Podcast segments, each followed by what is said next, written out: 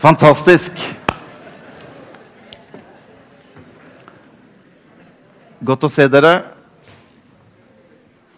Gud er god. Gud er veldig god. Og eh, det er eh, så bra å komme sammen og få, få dele, dele Guds ord. Jeg, jeg var litt sein i dag. Eh, så det var litt sånn kaotiske tilstander. De, uh, når dra, eh, selv når jeg var helt aleine hjemme, så var det helt kaotiske tilstander. For jeg hadde lagt fram nøkkelen å, til, til, bilen og til huset. Og så finner jeg ikke de nøklene jeg har lagt fram. Jeg vet ikke hva som slår inn, da, om det er alderen eller hva som helst. Og jeg leita en halvtime og løp rundt omkring. Og, og så begynner det å bli såpass seint at du kan ikke ringe noen, for allerede alle har jo kjørt. Så det, Jeg løper jo fram og tilbake som en strikkball. Så finner jeg, til slutt så kikker jeg opp i skoen til Philip. Og der ligger bilnøkkelen og husnøkkelen. Og da tenkte Jeg jeg, turte nesten ikke å resonnere over det engang. Altså, for det er sånn derre Hva skjer nå, Morten? Så da var det bare å løpe ut av huset. Så jeg, Derfor så var det litt sånn småstressa når eh, jeg kom inn her i dag. Men uh, nå er vi på plass. Amen. Godt å se dere. Var det ikke bra å høre, høre Kjell, og, Kjell og Kjell? Vi greier det ikke selv. Og jeg tenkte når jeg hørte det, ja, det skal dere få lov til å slippe. Skal få lov til å slippe å ta alt, liksom bare Kjell og Kjell. Så eh, det er veldig bra når vi kan få lov til å koble oss på. Eh, jo, det, det, står et skriftsted i ordspråket kapittel 11 vers 24. For jeg tenkte rundt det som har med momentum å gjøre så er jo en del av Guds momentum tror jeg har med sjenerøsitet å gjøre, raushet å gjøre. Fordi at Gud han er en raus og sjenerøs Gud. Han er en som alltid ønsker å velsigne. Han er en som alltid ønsker oss det beste. Han ønsker å løfte oss opp osv. Gud er en raus Gud. Gud er en giver i utgangspunktet. Så hvis du ser det verset her, så syns jeg det er egentlig veldig sånn bra opp imot også det som har med momentum å gjøre. Det står den ene strør ut, men får likevel bare enda mer. Det er litt Guds natur. Den andre holder tilbake mer enn hva som er rett, men det fører bare til fattigdom. En sjel som sprer velsignelse, skal trives. Og står det, og den som vanner rikelig, skal også selv få drikke rikelig. Amen. Det er Guds natur, det er hans vesen. Og det er noe av det som vi gjør når vi er med og velsigner og, og vi er med å investere inn i Guds rike. Det som er hans plan, hans oppdrag, det er at Gud velsigner oss rikelig tilbake. Amen. Skjønner, Gud er nødt til å ha noe i hendene sine som han kan velsigne. Og Det er derfor vi gir inn i Guds rike. Det handler om akkurat det samme om den gutten som kom med matpakka si til Jesus. Det sa at Han tok den i hendene sine, og der også takket han og ba. Og da kunne han velsigne resten også, fordi han hadde noe å velsigne i utgangspunktet. Det er det som skjer når du og jeg gir tilbake til Gud. For jeg, I min bibel står det at alt sølv og gull tilhører Herren. Alt det jeg har, er hans. Det er ikke sånn at OK, Gud, ja, eh, du, kan, du får vel få litt av meg, da. Nei, nei. Alt det jeg har, tilhører Gud. Jeg bare gir tilbake inn tilbake til han. Så når han får noe fra meg, så kan han velsigne det. Og så velsigner han resten av det som jeg sitter tilbake med også. Og da blir det momentum ut ifra Guds ståsted. Amen. Det er ikke det vi skal snakke om i dag, men vi skal gå videre på, på det som har med momentum å gjøre. Er du klar for å høre del tre? Det har vært så bra å dele rundt dette som har med momentum å gjøre. Og dette ordet momentum, som kanskje ikke alle er like kjent med, men det er et ord som handler om at ting settes i bevegelse. Man beveger noe fremover. Altså Det har noe med masse i fysikken som gjør at den, når den begynner å bevege seg i en retning, så kalles det for momentum. Så den første delen som jeg hadde, så snakket jeg litt om, om fortiden vår som kan hindre oss i å gå fremover i vår framtid. Det er at veldig mange mennesker sliter med ting i sin fortid og, og, sliter med å frigjøre seg fra sine erfaringer, som gjør at man holdes igjen. Og mange mennesker opplever at ting som har skjedd i fortiden, ting man har opplevd, ting man har gjort osv., det kommer og henter en inn så lett. Slik at Gud får ikke mulighet på en måte til å kunne føre oss videre i livet vårt. Og mange mennesker står fast, og så tenker man som så Ja, ja, jeg må bare ta konsekvensen for det som er gjort. Det er nok ikke noe håp for meg i morgen med alt det gale jeg har gjort, eller de ting som jeg har vært igjennom. Men det er jo da Gud kommer inn i bildet. Og han sier at det er håp for alle mennesker. Uansett hva du og jeg har vært igjennom, så fins det håp for morgendagen. Det er ikke ett menneske Gud liksom klør seg litt i hodet og sier ja, jeg, er litt enig med deg faktisk når det gjelder akkurat deg. Så sliter jeg med å kunne gi deg framtid og håp. For du har vært såpass umulig og du har gjort såpass mye gærent at jeg veit ikke helt åssen jeg skal løse dette. Det finnes ingen fortid som er for vanskelig for Gud å gjøre noe med i ditt og mitt liv. Han har en plan for deg og meg i våre liv. Og han ønsker at din morgendag skal være god. Han ønsker å være en del av din morgendag. Men noen ganger er vi nødt til å ta et oppgjør og vende vår oppmerksomhet ifra vår fortid og begynne å snu oss og begynne å se framover. Og la Gud få lov til å være momentum inn i din morgendag. Amen. Det ønsker Gud for deg og meg.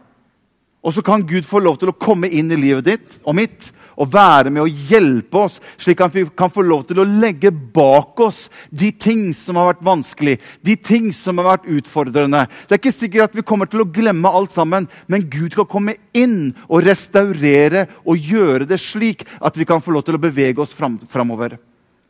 Amen. Mine tanker for deg er ikke tanker til uro, sier Gud. Men mine tanker for deg er framtid og håp og det gjelder alle mennesker. Amen. Den andre delen vi snakket om, så snakket vi litt mer om nåtid. altså i den del, del to. Dere kan gå inn, som, som Åse sa her, på MP3-senteret og, og, og, og, lytte til disse. Eh, da snakket vi mer om nåtid. Hva kan jeg gjøre nå for å få momentum i det som har med mitt liv sammen med Gud å gjøre? Da var det fire punkter vi snakket om. Punkt nummer én jeg må tro at Gud ønsker å lede meg. Hvis jeg ikke tror det, så blir det vanskelig for Gud å kunne lede meg. Men jeg må begynne å tro at Gud faktisk ønsker å være med meg i livet mitt. Det må jeg velge å tro. Punkt nummer to livet handler ikke om meg, men om Gud. Da var det noen som begynte å liksom Hva, hva i all verden? Hva er det du snakker om? Jeg trodde jo trodde det var meg det dreide seg om. Nei, faktisk. Livet handler ikke om deg og meg, i utgangspunktet, men livet handler om Gud. Og du og jeg vi kan få lov til å koble oss på det. Amen? Og Gud ønsker å være en del av ditt og mitt liv. Hvis du, hvis du vil ha litt mer kjøtt akkurat på det punktet, der, så kan du gå inn på MP3-senteret.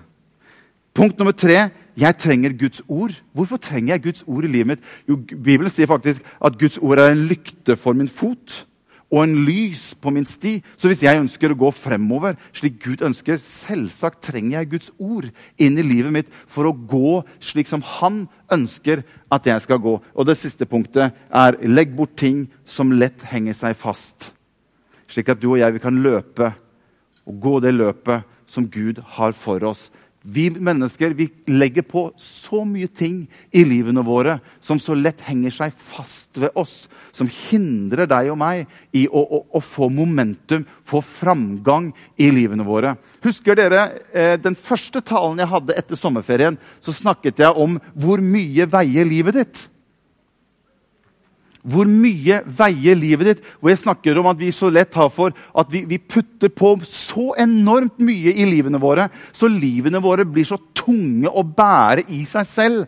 Slik at når vi plutselig begynner å tenke å ja, kanskje Gud har en tanke for livet mitt også. Ja, Hvordan i verden skal jeg forholde meg til det? For jeg har så mye nå, Gud. Det er så mye jeg er engasjert og opptatt med at jeg vet ikke faktisk om jeg har kjangs, Gud til å kunne gjøre kanskje noe av det du ønsket at jeg skulle gjøre med livet. Og så blir livet vårt så tungt at Gud får vanskeligheter med å sette oss i bevegelse, kanskje med det han hadde som plan, det han hadde som hensikt og ønske for livene våre. Amen. Vi skal gå inn på, på det som jeg ønsker å dele med, med, med dere i dag. For jeg tror at Gud ønsker å ha sitt momentum over livene våre. Jeg tror Gud ønsker at du og jeg skal kunne få lov til å leve med en følelse av noe som hviler over livene våre som kristne. Jeg tror, ikke, jeg tror, ikke, momentum Jeg tror ikke det er å bare få en sånn god følelse når du kommer inn her i, i Kulturhuset en gang om uka. Og jeg kjente skikkelig momentum i dag. ass. Det var ordentlig momentum. Det var så bra lovsang, og, og, og, og han talte ikke han talte greit, men, men, men, men, det var bra stemning, og det var skikkelig momentum. Momentum er noe mer enn en god følelse én gang om uka. Momentum er noe Gud ønsker skal hvile over deg og meg i livet vårt.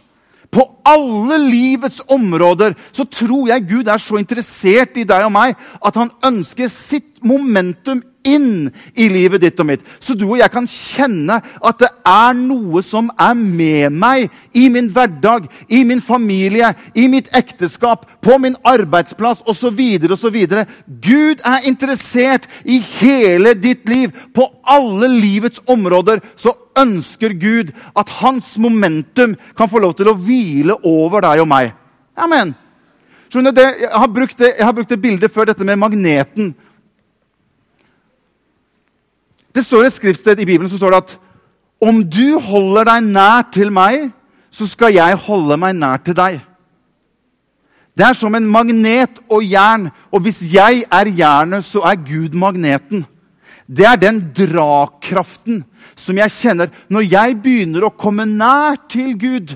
Husk på hva det står. Det står om du holder deg nær til meg, ser du hvor initiativet kommer. Det er ikke Gud som tar initiativet. Jeg er nødt til å ta initiativet innenfor Gud. For Gud tvinger seg ikke på noen. Derfor sier han hvis du vil være nær meg, ja, så kommer jeg til å være nær deg. Og hør, jo nærmere jeg kan være Gud, jo nærmere jeg kan leve med Gud, jo sterkere kommer jeg til å merke den trekkraften ifra Gud. Og det er det som gjør at når jeg går på min livets vei, så, så, så kjenner jeg at det er noe som drar på meg i en retning som Han ønsker i livet mitt. Fordi at jeg ønsker å leve nær til Gud.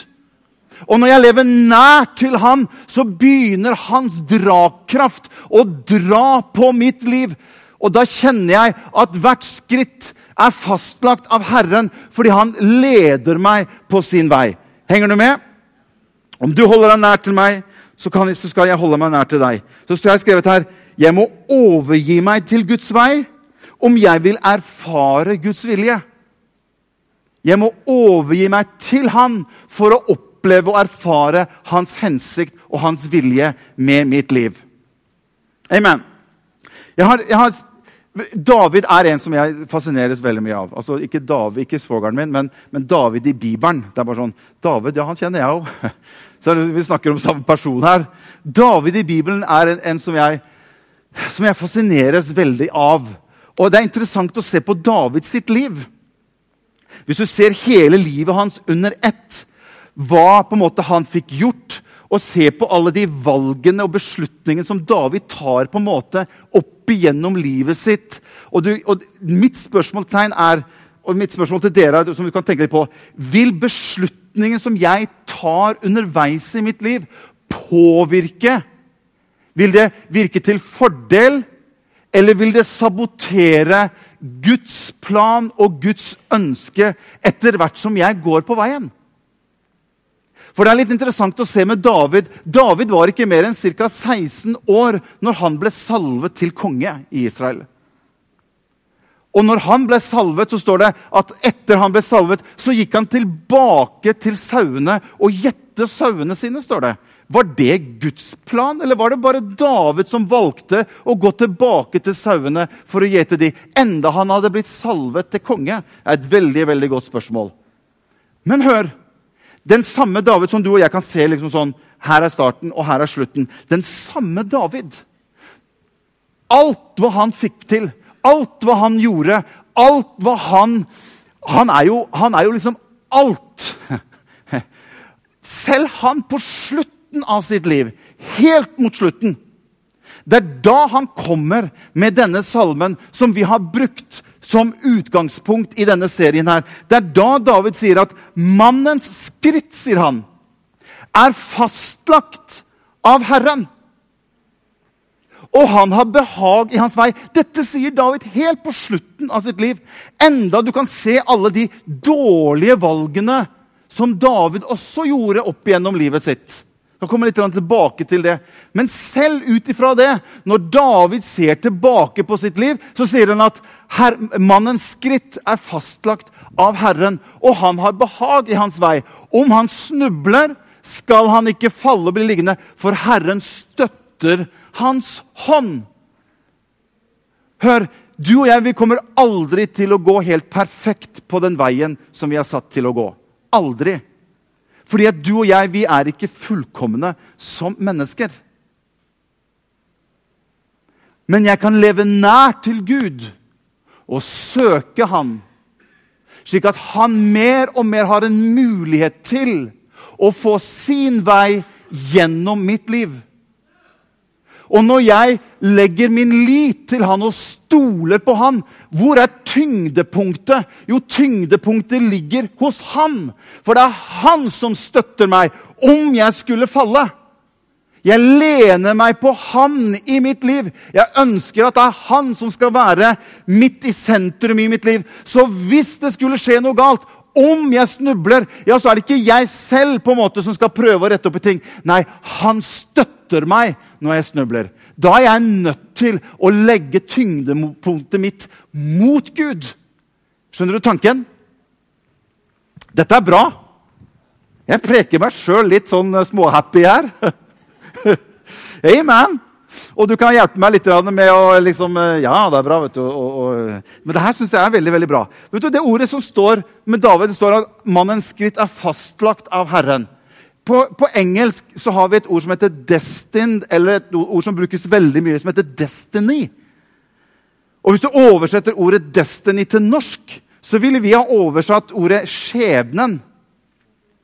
Og det ordet 'skjebne' eller 'skjebnen' det er ikke et sånt ord som vi på en måte i kristen sammenheng har liksom det har vært litt sånn, det, det, har vi ikke likt helt.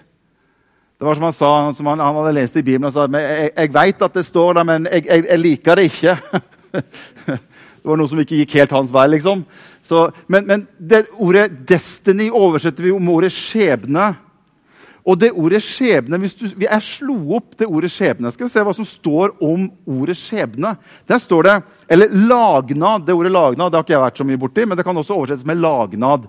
Er det nynorsk? Ja. Jeg tok en sjanse der, og det var, det var riktig. Det står at skjebne refererer til en forutbestemt rekke av hendelser. Det kan være å forstå som en forutbestemt framtid. Enten det er generelt, altså da tenker man liksom i hele verden, eller for et enkelt individ. Skjebne kan bli sett på som enten en bestemt kjede av hendelser som er uunngåelig og uforanderlig, eller at individer velger sin egen skjebne ved å velge ulike veier gjennom livet. Det er det på en måte som defineres som, som skjebne. På 1950-tallet, på midten av 50-tallet så ble det skrevet en veldig kjent sang borte i USA. Det var, Hva heter hun der? Er det Doris Day? En, en gammel sangerinne borte i USA. Det ble skrevet en film i forbindelse med en film av Alfred Hitchcock. Så jeg husker den, den filmen het 'Mannen som visste for mye'. Alfred Hitchcock det var sånn grøssere, det var sånn som vi ikke fikk lov til å se på. Men i forbindelse med den filmen der så ble det skrevet en sang som ble veldig populær, som het 'Kesera Sera'. Og den kom også til, den, den kom også til, til, Norge. Og det var Arne Bendiksen som oversatte den til norsk. Og den, norsk, den sangen på norsk det var en dame som het Nora Brokstedt. Jeg vet ikke om noen av dere vet hvem det er. Er det noen her som, som kjenner til Nora Brogstedt. Hun sang den sangen, og på norsk så ble den teksten hetende 'Det som skjer, det skjer'. Og Jeg har et klipp av, av den lydfila. Vi skal bare høre bare på første, første, del av den sangen. Bare følg med litt på teksten, på hva, på hva hun synger her. Få høre litt på den teksten hvis du, hvis du greier å få spilt av den. Må høre.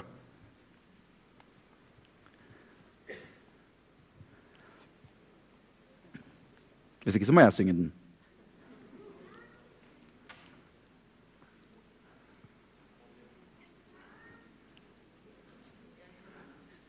Er det noen som kan den i salen her? Jeg har Ja. ja. Vil jeg bli vakker? Vil jeg bli rik? Mamma, hun svarer meg. Det som skjer, det skjer. Jeg kan ikke si deg mer hva fremtiden din kan bli. Hva den enn kan gi. Det som skjer, det skjer. Har vi det klippet? Får vi spilt av det? Her kommer den, vet du. Hør nå.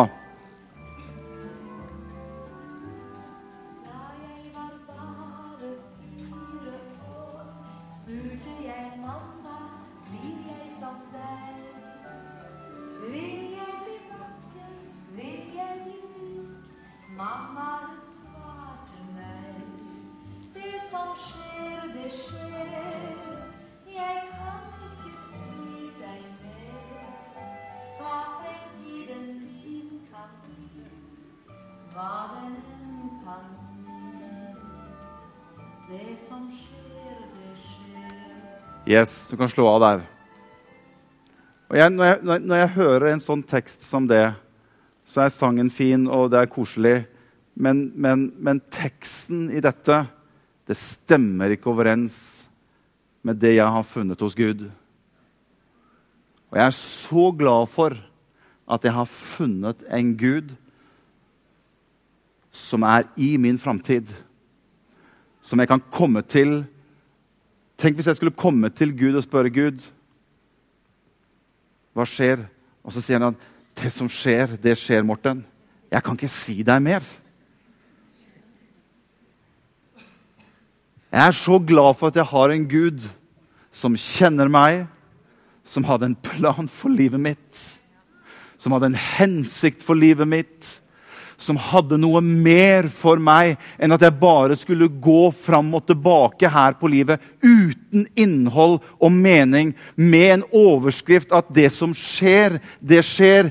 Ingen kan si meg noe mer. Når det står i Salme 37, vers 5.: Legg din vei i Herrens hånd.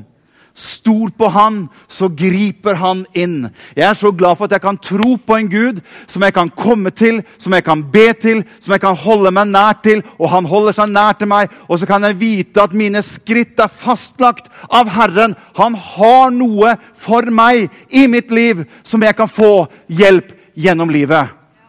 Amen. Hør. Guds rike er noe virkelig. Og når jeg snakker med mennesker, så er det veldig ofte at mennesker har en tendens til at vi gjør disse tingene så veldig diffust. Når vi snakker med mennesker, så kan noen si at ja, jeg, jeg tror på en gud, jeg, men, men, jeg tror mer på en måte at det er en slags form for det er en, det er en, det er en god følelse, eller det er, en, det er en, energi et eller annet sted. Det er noe som, som, som Men hør, Gud er ikke diffus. Gud er ikke noe tåkelagt. Gud er ikke noe som på en måte du og jeg ikke kan få tak på. Gud er en virkelighet. Og Gud har skapt deg og meg for å dele fellesskap med han. Og Det står til og med at han elsket verden så høyt at han var villig til å gi sin egen sønn for at hver den som tror på ham, ikke skal gå fortapt, men ha evig liv. Det finnes noe som Gud har bestemt for deg og meg, som du og jeg kan velge å ta del av inni livet vårt. Og det er at Gud han er noe mer enn noe diffust. Han er en virkelighet for ditt og mitt liv. Men jeg må velge å ta han inn i livet. Jeg må velge å leve nært til Gud, slik at han kan leve nært til meg. Og ut ifra det så kan jeg ha han med meg hver eneste dag i livet mitt. Ikke som noe diffust, men noe som konkret. Noe som elsker meg, noe som holder meg oppe, noe som støtter meg. Noe som ønsker å gi meg framtid og håp i mitt liv. Amen. Det er den Gud som jeg har funnet inn i mitt liv. Og har du ikke fått tak på ham, så heter hans navn Jesus Kristus. Det er en person som døde for deg og meg, og du kan få lov til å åpne ditt hjerte og si, 'Jesus, jeg ønsker å slippe deg inn i livet mitt', og jeg ønsker at du og jeg skal gå sammen i livet. Livet mitt har vært vanskelig nok som det er, men jeg ønsker å ta deg med i mitt liv. At du kan få lov til å, og jeg kan få lov til å vandre og gå sammen med deg resten av mitt mitt liv. Halleluja. Amen. Jeg føler bare for å be litt. Far, jeg takker deg for at du er her. Jeg takker deg for mennesker som sitter her, og som er spørrende til deg. Jeg bare ber deg, Herre, om at du fortsetter å virke. Du fortsetter å virke på oss, Herre. Jeg ber deg om det, Jesus. Halleluja. Jeg lover deg, Jesus. Takk for at du er her. I Jesu navn. Amen. Jeg skal gå mot avslutning. Men Gud ønsker å føre deg inn i det han har for ditt liv. Og jeg tror det er mennesker her som er klar for å ta noen nye skritt i dag.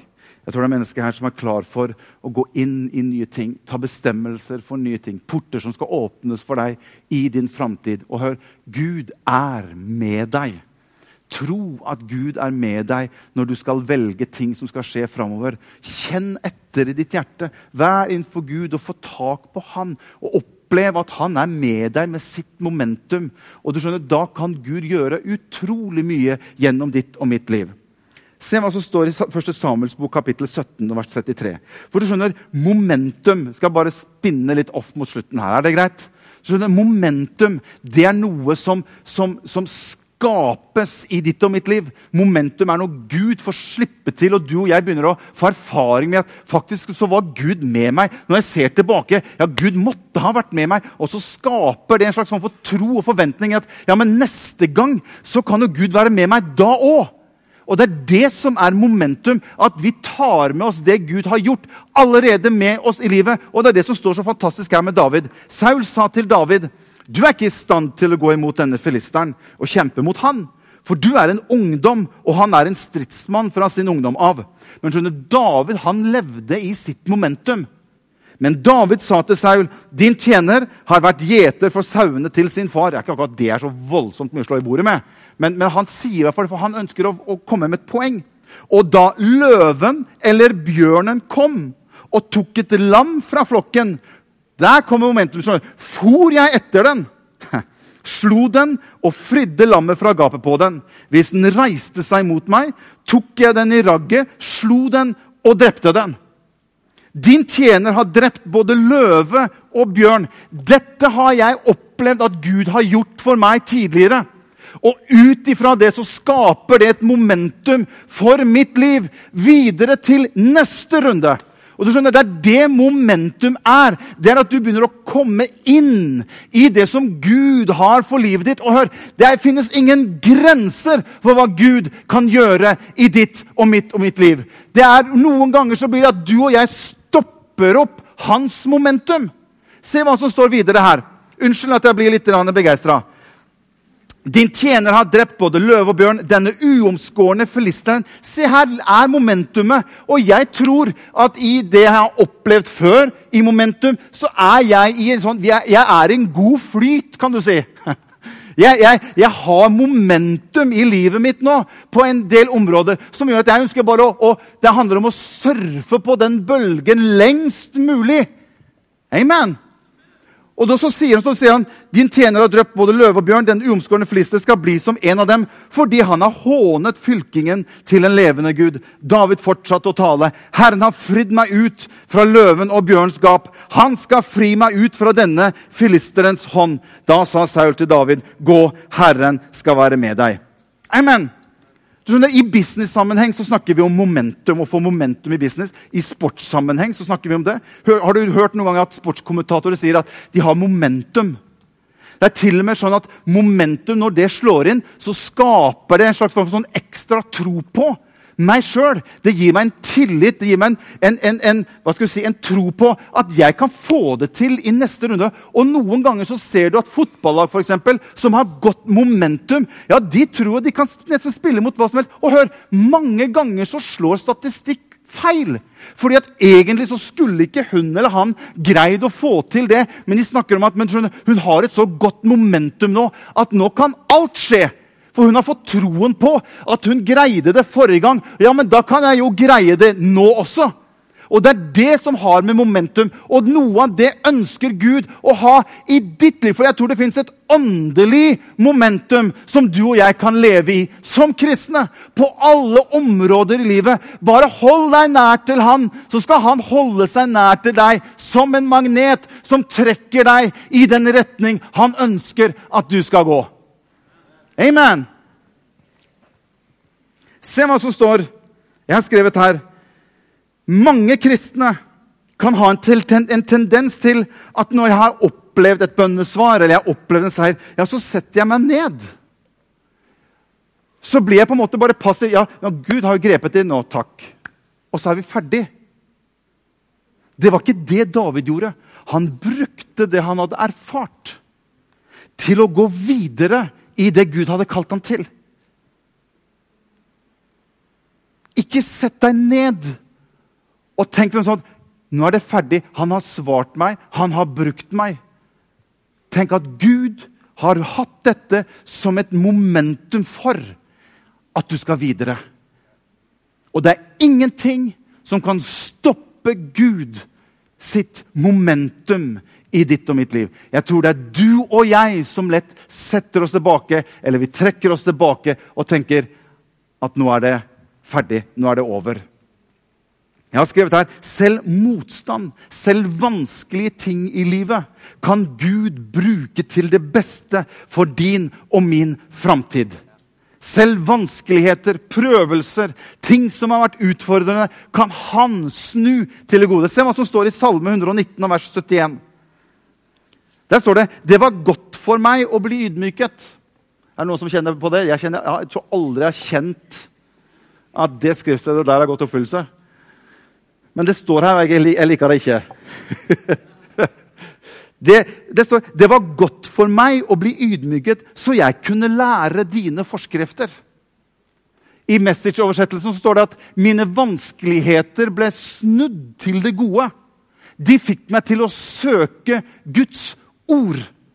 Vanskelige ting i livet kan Gud snu, slik at det styrker deg i momentum for det han ønsker å gjøre videre i ditt og mitt liv.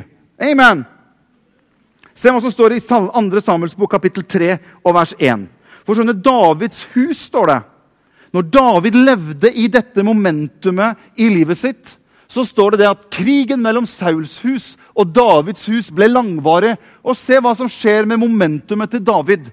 David ble sterkere og sterkere, men Saul ble svakere og svakere.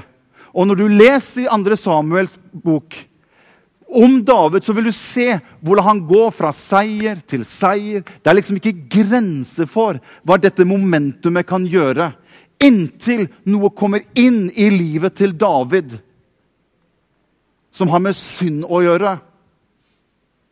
Og når synd kom inn i livet til David, så stoppet det og satte en brems på momentumet som Gud hadde over livet til David. Hør! Det er én ting som kan stoppe momentumet ditt og mitt liv, og det er synd. Du leser akkurat det samme med Josva.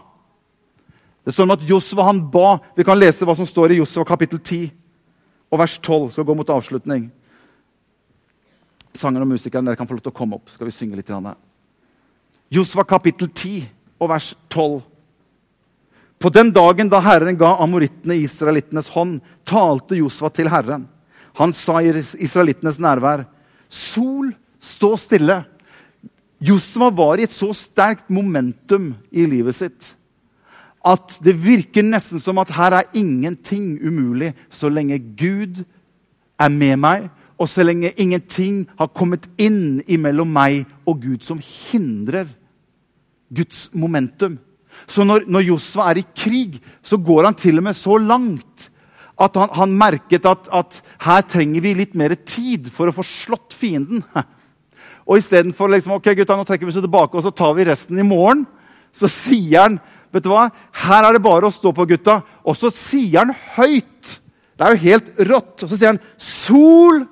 Da er du, da er du på. Når du henvender deg til sola 'Sol, stå stille i Gibeon'. Måne i Ayalons dal. Og så er det 'Da sto solen stille, og månen stanset' til folket fikk tatt hevn over sine fiender. Slik står det skrevet i Den rettskaffenes bok. Solen stanset midt på himmelen, og den skyndte seg ikke med å gå ned før en hel dag var til ende. Aldri har det verken før eller siden vært en dag som denne, da, da Herren bønnhørte en mann på denne måten. Hva var det for noe? Guds momentum var med Josva. Hva skjer med Josva? Det skjer nettopp det samme med Josva som med David. Synd begynner å komme inn, og det setter en stopper på hva Gud kunne gjøre gjennom Israels folk.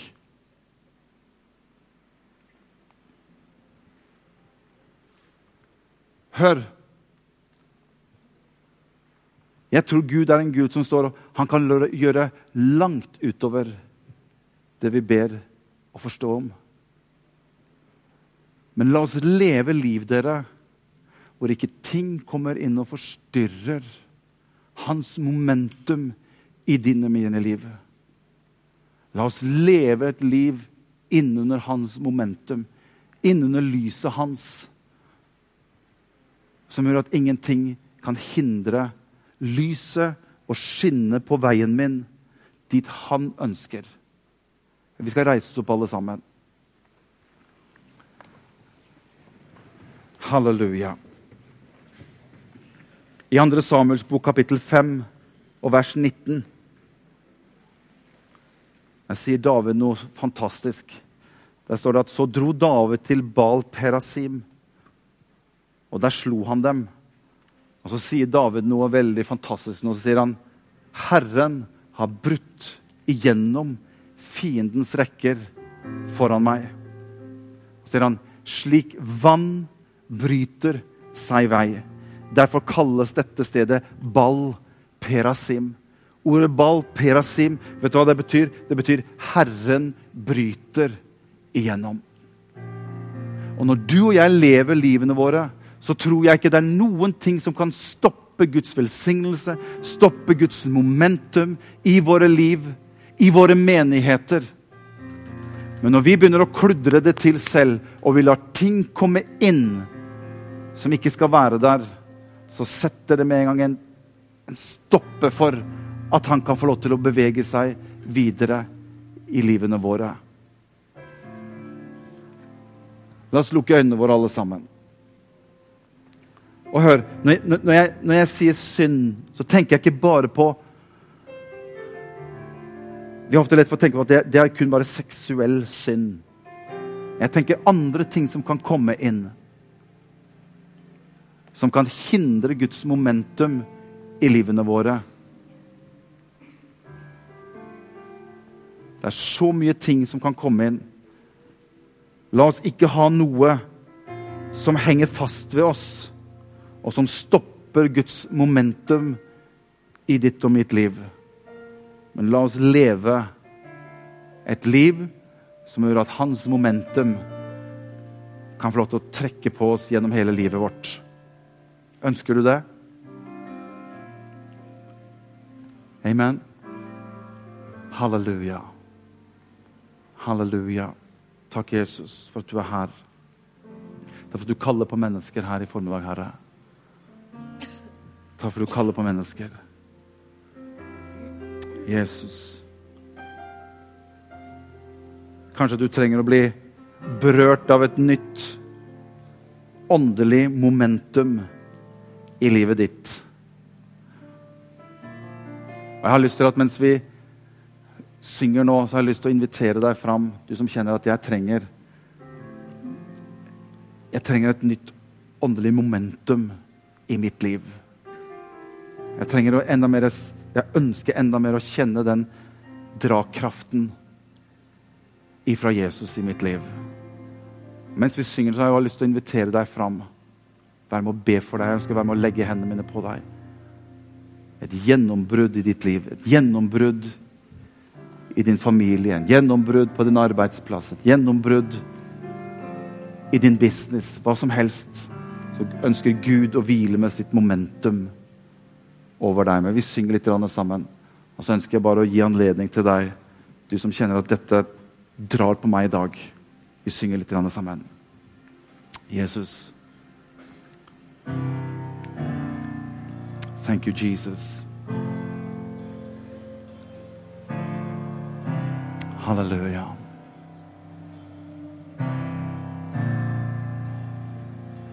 Thank you, Jesus.